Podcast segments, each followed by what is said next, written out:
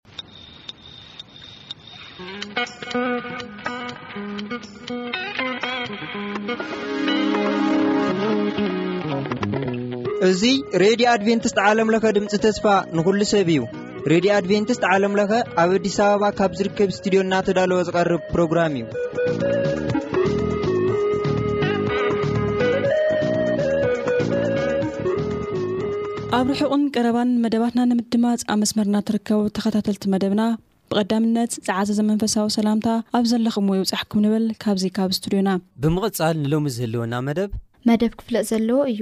ምሳና ጽንሑ ሰናይ ምክትታል።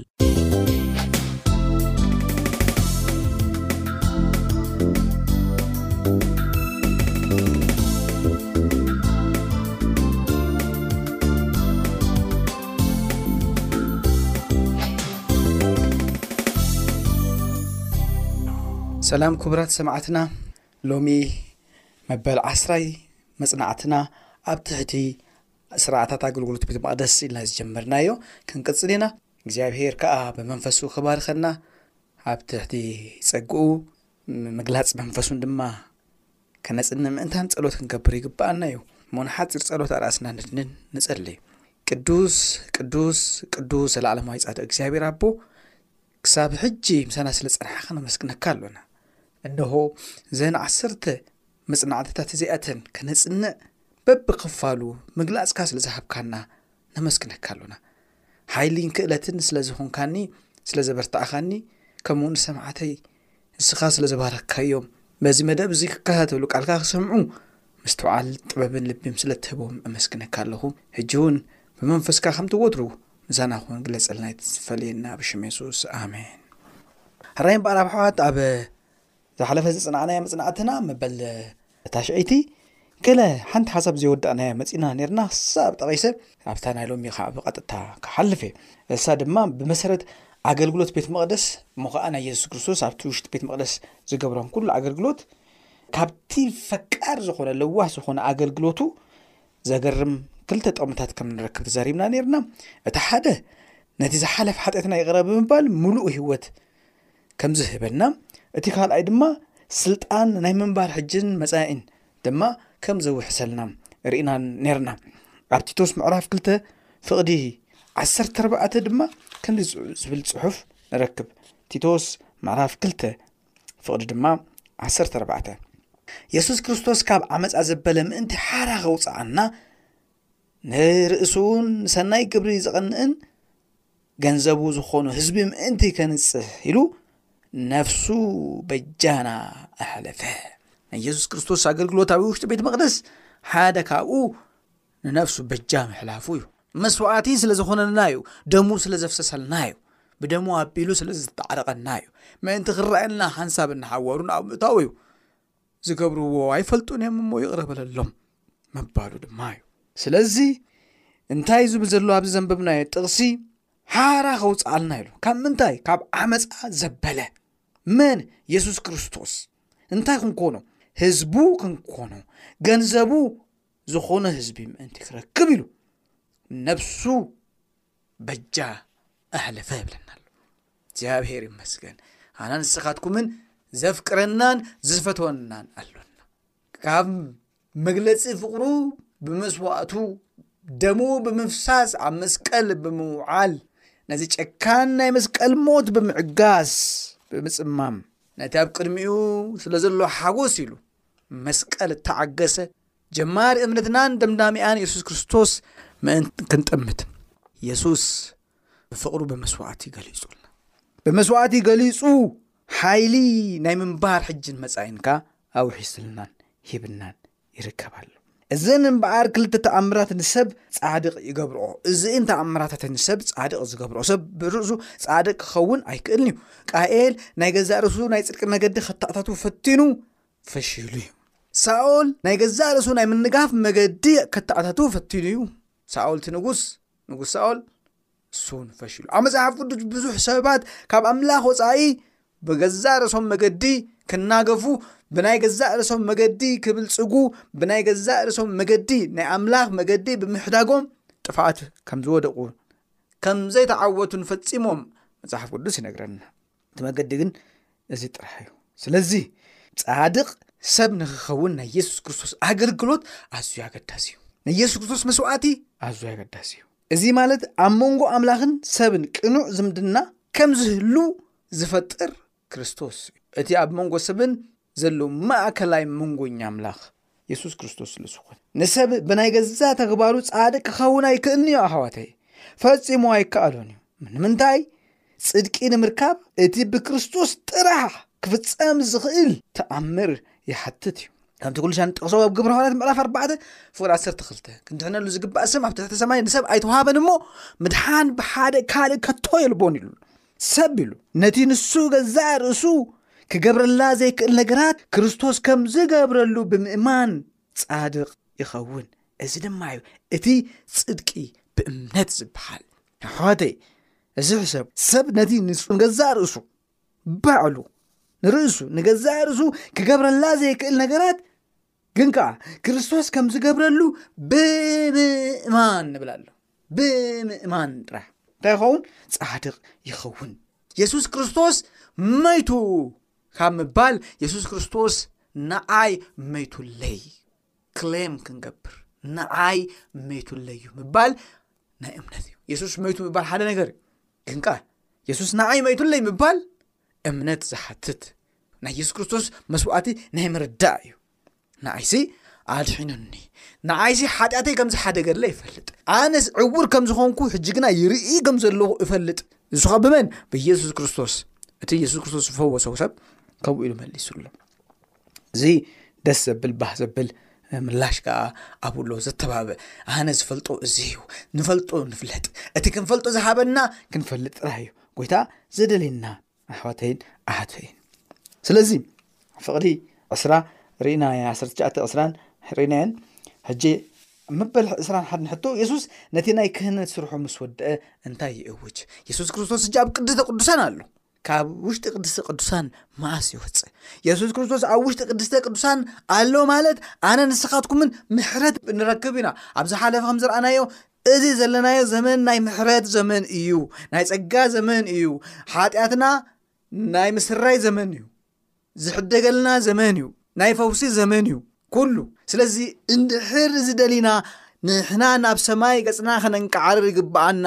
ምክንያቱ ኣብቲ ብኢድ ሰብ ኣብ ዘይተገብረት እታ ዘለዓለማዊት ድንኳን ሰማያዊት ቤት መቅደስ ሊቀ ካህን ኣሎና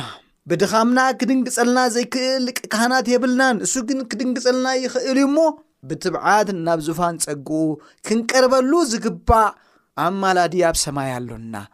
ጥራይ ንስኻትኩምን ብትብዓት ናብኡ ክንቀርብ ጥራይ እዩ ዝግብኣና። ብትብዓት ምቕራብ ጥራይ እዩ ኣሕዋተይን ኣሓተይን ንዓይን ንኣኻትኩምን ዘድልየና። ምክንያቱም ኣብ ዝሓለፈ ከም ዝረኣናዮ ኣብዚ ዙፋን ጸጋ ንዘሎ የሱስ ክርስቶስ ናይ ጸጋ ዘመን ብትብዓት እንድሕር ዘይቀሪብና እታ ክብራዊት መንግስቲ ምስ መጸት ነቲ ናይ ክብሪ ንጉስ ክንሃድሞ ክንፈርኾን ኣብ ቅድሚኡ ከነንቀጥቅጥ ምዃንና ተዛሪብና ኣሎና ራእዩ ኣሕዋተይ ምሕረት ጎይታናን መድሓንያን የሱስ ክርስቶስ ኣምላኽና ክገብር ከሎ ብሃውሪ ኣይኮነን ምሕረት ብፍልጠትን ምስትውዓልን እዩ ምሕረት ብፍቕሪ እዩ ምሕረት ካብቲ መሓሪ ካብቲ ባህሪ ናይቲ መሓሪ ኣምላኽ ዝነቐለ እዩ ባህሪኡ ስለ ዝኾነ ከምኡ ስለ ዝኾነ እሱ ምሕረት ይግበረልና ናይ ምሕረት ኣምላኽ ስለ ዝኾነ ምሕረት ዝግብኣና ይኮን ሞት እንተፈረድና ግን ከኣ ብንስሓ ናብኡ ምስ ዝመጽእ ክንእዘዞ ክንስዕቦ ምስ ንደሊ ምሕረት ይግበረልና ከምኡ ኢና ተማሂርና ኣብ ዝሓለፈ ኣብኡ ቅርብ ኢልና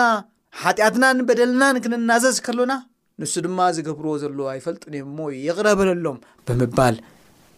ምሕረት ንስሓን ተቐቢሉ ይህበና ከምኡ ስለዚ እዚ ኩሉ ግን ዘብቅዓሉ ግዜ ኣሎ የሱስ ክርስቶስ ነቲ ናይ ክህንነት ስርሑ ዝውድኣሉ መዓልትታት ግዜን ድማ ገይሩ ኣሎ ራእይ ምዕራፍ 22 ፍቕሪ 1 ሓደ ሓደ ናይ ምዝዛም ናይቲ ናይ የሱስ ክርስቶስ ናይ ሰማያዊ ቤት መቕደስ ክህንነት ኣገልግሎቱ መፈጸምታ ዝሕብር ዘርኢ ሓሳባት ከም ዘሎ መጽሓፍ ቅዱስ ይነግረና እዩ እቲ ጻድቕ ኣዝዩ ይጽደቕ እቲ ኣዝዩ እቲ ገፋዒ ኣዝዩ ይግፋዕ እቲ ርኹስ ኣዝዩ ይርከስ እናበለ ይዛረብ እዩ 22 ፍቕዲ 1ሓ ከይድና ንድሕር ኣንቢብና እንታይ ዝብል እቲ ገፋዒ ኣዝዩ ይግፋዕ እቲ ርኹስ ኣዝዩ ይርከስ እቲ ጻድቕ ኣዝዩ ጽድቂ ይግበር፣ እቲ ቅዱሱን ኣዝዩ ይቀደስ በለኒ። እዚ የሱስ ክርስቶስ ካብታ ውሽጢ ቅድስተ ቅዱሳን ክወፅእ ከሎ ሓደ ካብቲ ዝእወጅ ኣዋጅ እዩ እዚ ክበሃል እዩ እዚ ናይ መወዳእታ እዩ ራእይ ዮሃንስ ምዕራፍ 22 ናይ መወዳእታ ምዕራፍ ናይ ኩሉ መፅሓፍ ቅዱስና እዩ ናይ ራእይ ዮሃንስ ናይ መወዳእታ ከምኡ ከዓ ናይ ሙሉ እቲ መፅሓፍ ቅዱስ ናይ መወዳእታ እዩ ራእዮ ስለዚ መወዳእታ ዝኸውን ዘሎ እዚዩ የሱስ ክርስቶስ ካብቲ ናይ ክህንነት ስርሑ ማለት ኣነ ንስኻትኩምን ምሕረት ኣይንረክብን የሱስ ክርስቶስ ካብቲ ቅዱስተ ቅዱሳን እንድሕር ወፅዩ ሳህሊ የልቦን ፀሊና መልሲ የብልናን ስለዚ እቲ ፃድቅ ኣዝዩ እናተቀደሰ ክኸይድ ይግብኦ እዩ እቲ ገፋዕ ዩ ከዓ ይገፍዕ ምክንያቱ ኣብዚ ማንም ኣማላዲ ስለ ዘየልቦ ማንም ንምእንታና ዝጽሊ ዝገብርዎ ዘለዎ ኣይፈልጡን እዮም እሞ ዝብል የለን ስለዚ እቲ ጻድቕ ኣዝዩ ጸዲቑ እዩ መመሊሱ ክጸድቕ እዩ እቲ ግፋዒ ከዓ ፍርድን ኩነኔን ክመጽኡ እዩ መመሊሱ ክረክስ ምዃኑ መጽሓፍ ቅዱስ ይነግር ንምንታይ እዚ የለን ኣማላዲ ናይ የሱስ ክርስቶስ ክህንነት ኣብቂዑ ዘማልድ ዘክክ ካህን ኣብኡ የብልናን እዚ እዩ ዝኸውን ዘሎ ኣብኡ ስለዚ ኣሕዋት እዚ ክንርድኦ ይግብኣና እዩ የሱስ ክርስቶስ ናይ ክህንነት ኣገልግሎቱ ክውዳእ ዝውዳእሉ እዋናት ኣሎ ንሰብ ሓንሳብ ሞት እያ ብድሕሪኡ ከዓ ፍርዲ ተሰሪዑሉ ኣሎ ስለዚ ናይ ምሕረት ዘመን ኣብቂዑ ናይ ፍርዲ ዘመን ዝመፃእሉ እዋን እዚ ይበሃል ነዚ ኣብ መፅሓፍ ቅዱስና መሊስና እንድሕር ርኢናዮ ኣብ ትንቢት ዳንኤል ዘሎ ንባባት ከነንብብ ግድ ይብለና እዩ ስለዚ ኣብ ትንቢት ዳንኤል ብዘሎ መፅሓፍ ከንብበልኩም እፈቱ ኣብ ትንቢት ዳንኤል ምዕራፍ ሸተ ፍቕዲ 13 1 ሓደ ከቢድ ዝኾነ ቃልዓዑ ንረክብ ኢና ምናልባት ሙሉእ እቲ ትሕዝቶ ሓሳብ ናይዚ ትንቢት ዳንኤል ምዕራፍ ሸውዓተ ወይም ብምሉኡ ናይቲ መፅሓፍ ሕጂ ክንዛረበሉ በብናቱ ከዓ ክንገልጾ ኣይከኣለናን እዩ ናብዚኣ ዘምፃትኒ ንእሽተይ ሓሳብ እሳ ከንብበልኩም እሞ ናብቲ ዝቕፅል ሓሳብና ክንከይድ ኢና ኣብ ራእይ ዮሃ- ኣብ ትንቢት ዳንኤል ምዕራፍ ሸውዓተ ፍቕዲ ዓሰርተ ሰለስተን ዓሰርተ ኣርባዕተን ከምዚ ይብል ብራእያት ለይቲ ጥምት ነበርኩ እንሆ ከዓ ወዲ ሰብ ዝመስል ብደበና ሰማይ ይመጽእ ነበረ ናብቲ ጥንታዊ ዝመዓልቱ ድማ በጽሐ ናብ ቅድሚኡን ኣቕረብዎ። ኵላቶም ኣሕዛብን ወገናትን ቋንቋታትን ከገልግልዎስ ግዝኣትን ክብርን መንግስትን ንእኡ ተዋህቦ። ግዝኣቱ ዘይሓልፍ ዘለዓለማዊት ግዝኣት እዩ፣ መንግስቱ እውን ከቶ ኣይክትጠፍእን እያ ይብል። እግዚኣብሔር ይመስገን። ስለዚ ናብቲ ጥንታዊ ዝመዓልቱ ኢሉ ኣሎ። እቲ ወዲ ሰብ ዝመስል ብደበና ሰማይ ይመጽእ ከም ዘሎ ዳንኤል ብራእይ ነዚ ነገር እዚ ሩ ናብኡኻ እንታይ ገበርዎ ኢሉና ኣሎ ኣቕረብዎ ኢሉ የሱስ ክርስቶስ ናይ ኣገልግሎት ክህነቱ ሰማያዊት ቤት መቐስ ወዲኡ ክወጽእ ከሎ ዝኸውን ዘሎ እዩ እዚ ስለዚ ኩላቶም ኣሕዛብን ወገናትን ቋንቋታትን ከገልግሎ ብድሕሪኡ ግዛኣትን ክብርን መንግስትን ክቕበል ናብቲ ጥንታዊ ዝመዓልቱ ናይ እግዚኣብሔር ኣቦ ከም ዝኸደ እንታይ ክገብር ናብዚ ምድሪ እዚ ምእንቲ ክመፅእ እዩ ብድሕሪኡ ፍርዲ ክኸውን እሞ ከዓ እቲ ዝጠፍእ ብጥራስ ክጠፍእ እቲ ዝናገፍ ንዘለኣለም ክናገፍ ከምቲ ኣንቶይ ዝበልናዮ እንታይ ኢልና ነርና ይቕሬታ ኣንቶይ ኣብቲ ንጠቕሲ ፅናሕና ሓሳብ ናይ ራእ ዮሃንስ ምዕራፍ 22 ፍቅድ 1ሓደ እቲ ገፋዒ ኣዝዩ ይግፋዕ እቲ ርኹስ ኣዝዩ ርከስ እቲ ቅዱስ ኣዝዩ ቀደስ ኢልና ዘንበብናዮ እዚ እዩ ስለዚ ንጥፍኣት ጥፍኣት ንድሑናት ከዓ ዘገርም ዘለዓለማዊ ምድሓን ክህብ መመሊሶም ክድሕኑ መመሊሶም ክባር መመሊሶም ፅቡቅ ክረኽቡ መመሊሶም ኣዝዮም ኣዝዮም እትም ከዓ ኣዝዮም ክጠፍኡ ከም ዝኾነ መፅሓፍ ቅዱስ ይነግረና እዩ እዚ ኩሉ ዝኸውን የሱስ ካብቲ ናይ ክህንነት ስፍር ምስ ወፀ እዩ ኣቱም ኣሕዋተይ የሱስ ክርስቶስ ኣብቲ ውሽጢ ቅድስቲ ቅዱሳን ምህላው ንዓይን ንኣኻትኩምን ዕረፍትን ሰላምን ምሕረትን ፍቕርን እዩ ጸሊና ንስምዓሉ መልሲ ንረኽበሉ እዩ ምድሓና ንረኽበሉ እዩ ታሪኽ ምድሓና ዝዛዘም እንተ ብክፉእ እንተ ብፅቡቕ የሱስ ክርስቶስ ካብ ቅዱስተ ቅዱሳን ምስ ዝመፅ እዩ ምስ ዝወፅ እዩ ስለዚ ንኩሉ ግዜ ኣለዎ እዚ ዘመን ምሕረት ዘመን ፍርዲ ዝቕየረሉ ግዜ ከም ዝመፅእ ኣብ ዝሓለፎም ብደንቢ ክንሪኦ ፈቲና ኣሎና ስለዚ ብድሕሪ እዚ ዳንኤል ዝረኣዮም ነገራት ፍርዲ ከም ዝመፅእ እዩ ዝዛረብ ኣብዚ ግሩም ዝኾነ ናይ ትንቢት ዳንኤል ኣሎ ሓደ ግዜ ከም ፍቓድ ኣምላክ ግዜ እንተረኪብና ድማ ብዛዕባኡ ከነፅንዕና መዚ ትምህርቲ እዚ ዝቕፅል ብዳንኤል ምዕራፍ ሸሞንተ ዝብገስ ምዕራፍ ትሽዓተ ዓሰርተ ሓደ ኢሉ ኸዓ ከምኡ እንዳበለ ዝቕጽል ግሩም ዝኾነ ብትንቢት መዓዝ እዚ ነገር እዚ ይፍጸም ከም ዝኾነ ትንቢታት እንርእየሉ እቲ ጐይታ ዝተዛረቦ ዝኣመናሉ እቲ ዝኣመናዮ ካብ ብዓይንና ተፈጺሙ እንርእየሉ ትንቢት ዘለዎ እዩ እዚ። ትንቢት ዳንኤል ምዕራፍ ሸሞንተን ትሽዓተን ብዛዕባ እዚ ኣገልግሎት ቤት መቕደስ ኣመልኪቱ ተጻሒፉ ዘሎ ሓሳባት ነዊሕ ዝበለ ብዙሕ ምስትውዓልን ጸጋን ዘድልዮ መጽናዕቲ ዝሓትት ስለ ዝኾነ ከም ፍቓድ ኣምላኽ ካልእ ግዜ ተዳሊና ክንገብሮ ተስፋ ይገብር ከም ፍቓድ እግዚኣብሔር እግዚኣብሔር ዘዘኻኸረና እምበኣር ኣብ መዘዛሚ ናይዚ ናይ ኩሉ መፅናዕትና እዚ ዓስራይን ናይ መወዳእታን መፅናዕትና እዩ እሞ የሱስ ክርስቶስ ካብ ቅድስተ ቅዱሳን ክወፅእ ምዃኑ ንፈልጥ ድሕሪኡ ቅድሚ ምምፅኡ ከምዚ ዝረኣናዮ ግዝኣትን ክብርን መንግስትን ከም ዝወርስ ከም ዝሕስ ከምቲ ቅድሚ ሕጂ ክውለድ ክግፋዕ ምእንቲ ካልኦት ክመውት ክርገጽ ኣይክመጽእን እዩ። ናይ ነገስታት ንጉስ ናይ ጎይቶት ጎይታ ኣምላኽ ኣማልኽቲ ኮይኑ ብኽብሪ ብደበና ካብ ሰማይ ብመላእኽቱ ተዓጂቡ ከም ዝመጽእ እዩ ድሕሪ ደጊም የሱስ ናብታ ዘለዓለማዊት ቤትና ክወስደና ብኽብሪ ደኣ ይመጽእ እምበር ኣሕዋተይ ድሕሪ ደጊም ንሓጢኣት ዝስዋእ መስዋእቲ ኣይክህልውን። ጎይታ ባዕሉ ይብል ቀዳማይ ተሰሎንቄ ምዕራፍ 4 ፍቕዲ 16-17 ብናይ ትእዛዝ ጭድርታን ብድምፂ ሊቀ መላእኽትን ብመለኸት ኣምላኽ ካብ ሰማይ ክመጽእ እዩ ክወርድ እዩ እቶም ብክርስቶስ የሱስ ዝሞቱ ቅድም ክትሱ እዮም ንሕና ከዓ ብህይወት ፅኒሕና ዘለና ነቶም ዝደቀሱ ከም ዘይንቕድሞም ከቶ ከም ዘይንቕድሞም ብቃል ጎይታ ርጊፅ የብለኩም ኣለኹ ግናኸ ኩላሓና ክንልወጥ ኢና ኩላሓና ንምቕባል ጎይታ ብሓባር ብደበና ሰማይ ክንለዓል ኢና፣ ከምኡውን ንሓዋሩ ክንነብር ኢና። ከምኡውን ምስኡ ንሓዋሩ ክንነብር ኢና። ከምኡውን ንዘለኣለም ኣለም ብሓጎስ ምስ ኣምላኽና ክንነብር ኢና ምስ ኩሎም ቅዱሳን ድሑናት ንዘለኣለም ክንነብር ኢና እዚ ኩሉ ዝገበሮ ናይ የሱስ ክርስቶስ ክህንነት መስዋእቲ ቤዛነት እዩ ቀደም ጥፉዓት ንዝነበርና ተበጂና ደሙ ኣፍሲሱ ኣድሒንና ኣገልግልና ዝገብርዎ ዘለዎ ኣይፈልጡን እዮም ኢሉና ዝመፀ እዩ ስለዚ ጎይታ በዓሉ ብናይ ትእዛዝ ጭድርታን ብደምፂ ሊቀ መላእክት ብመለኸት ኣምላኽ ከም ንጉስ ነገስታት ከም ጎይታ ጎይቶት ኣምላኽ ኣማልኽቲ ኮይኑ ዳግም ካልኣይ ግዜ ክመፅእ እዩ የሱስ ክርስቶስ ዳግም ብክብሪ ክምለስ እዩ ኣይ ክድንጉን ድማ እዩ እቲ ክመፅእ ክመፅእ እዩ ኣይ ክድንጉን ድማ እዩ ይብል ቃል እግዚኣብሔር ኣምላኽ ክመፅእ እዩ እቲ ንፅበዮ እንሆ መፂልና ክንብል ኢና ሓደ ግዜ ኣሕዋተይ ነዚ ነገር እዚ ሎሚ ክንጥቀመሉ ይግባኣና ግዜ ምሕረት ከሎ ሳህሊ ፀጋን ብብዝሒ ኣብ ዘለወሉ ዘመን ሓጢኣት ዋላ እኳ እንተበዝሐ ኣብቲ ሓጢኣት ዝበዝሖ ኣብኻ ብዝሒ ጸጋ ኣሎ ብዝሒ ምሕረት ኣሎ ኢሉና ኣሎ ቃል እግዚኣብሔር ኣምላ ሎሚ ምሕረት በዝሒኡ ከሎ ሳህሊ ጸግኡ ኣንጸላሊና ኣብ ዘለሉ እዋን ምሕረትና ዝኸውን ብትብዓት ናብ ዝፋን ጸጋ ኣምላኽ ክንቀርብ እግዚኣብሔር ጸግኡ የብዝሓልና ኣሕዋተየ እንተዘኩይኑ ንግና ንሰብ ሓንሳብ ሞት እያ ብድሕሪኡ ፍርዲ ተሰሪዑሉ ስለዚ ከኣ ፍልጠት ሓቂ ምስ ረኸብና ፈቲና ሓጢኣት እንተገበርና ዘሰክሕ ምጽባይ ፍርድን ነቶም ተጻረርቲ ትበልእ ቅንዕ ሓውን ክኸውን እዩ እምበር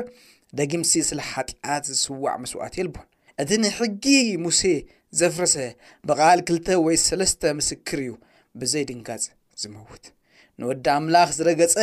ነቲ እተቐደሰሉ ደም ኪዳን ከኣ ዘርከሰ፣ ንመንፈስ ጸጋውን ዝጸረፈ ግዳ ኽንደይ ዝገደደ ቅጽዓት ዘይግብኦ ይመስለኩም? ኢሉ ቃል እግዚኣብሔር ኣምላኽ ድሕሪ ደጊም ዝስዋዕ ምስዋዕቲ ከም ዘየሎ ይዛረብ። ግናኸ ንሕናስ ነቲ ምፍዳይ ሕነ ናተይ እዩ፣ ኣነ ሕነ ክፈዲ እየ ዝበለ ደጊሙ ኸኣ እግዚኣብሔር ንሕዝቡ ክፈርዶ እዩ ዝበለ ንፈልጦ ኢና። ኣብ ኢድ ህያው ኣምላኽ ምውዳቕ ዘሰክሕ እዩ። ምሕረት ዘይደሊ ሰብ ኩሉ ኣብ ኢድ እቲ ጨካን ኣምላኽ ኢልዎ ኣሎ ህዝቅኤል ብከምዚ ተገሊጹ ኣሎ ምክንያቱ እቲ ጨካን ኣምላኽ ዝብሎ ንበዳሊ ከም ንጹሕ ዘይርኢ ዓይንትኻ እኩይ ንምርኣይ ጽሩያትን ኢሉ ተዛረበሉ ቃል እግዚኣብሔር ኣምላኽ እዩ ስለዚ እዚ ክፍጸም ምዃኑ ብትክክል መጽሓፍ ቅዱስ ይዛረብ ኣሎ ስለዚ ምሕረት ዝኣበየ ዘበለ ኩሉ ብፍርዲ ከም ዝጠፍእ መወዳእታ ፍርዲ ኣሎ ኣሕዋተ ፍርዲ ስለ ዘሎ ኣይኮንና ንጎይታና መድሓኒና ክርስቶስ ንስዕቦ ንሰምዖ ንእዘዞን ከይንጠፍእ ኢልና እውን ኣይኮንናን ፍቕሪ እዩ የሱስ ብፍቕሪ ተገሊጹ እንሆ ሞት ፍርዲ ጥፍኣት ሲኦል ሓሲቦም ንጎይታና መድሓኒ ዝስዕብዎ ፈራህቲ ኩሎም ፈሪሆም እዮም እሞ ፈራህቲ ፈራህቲ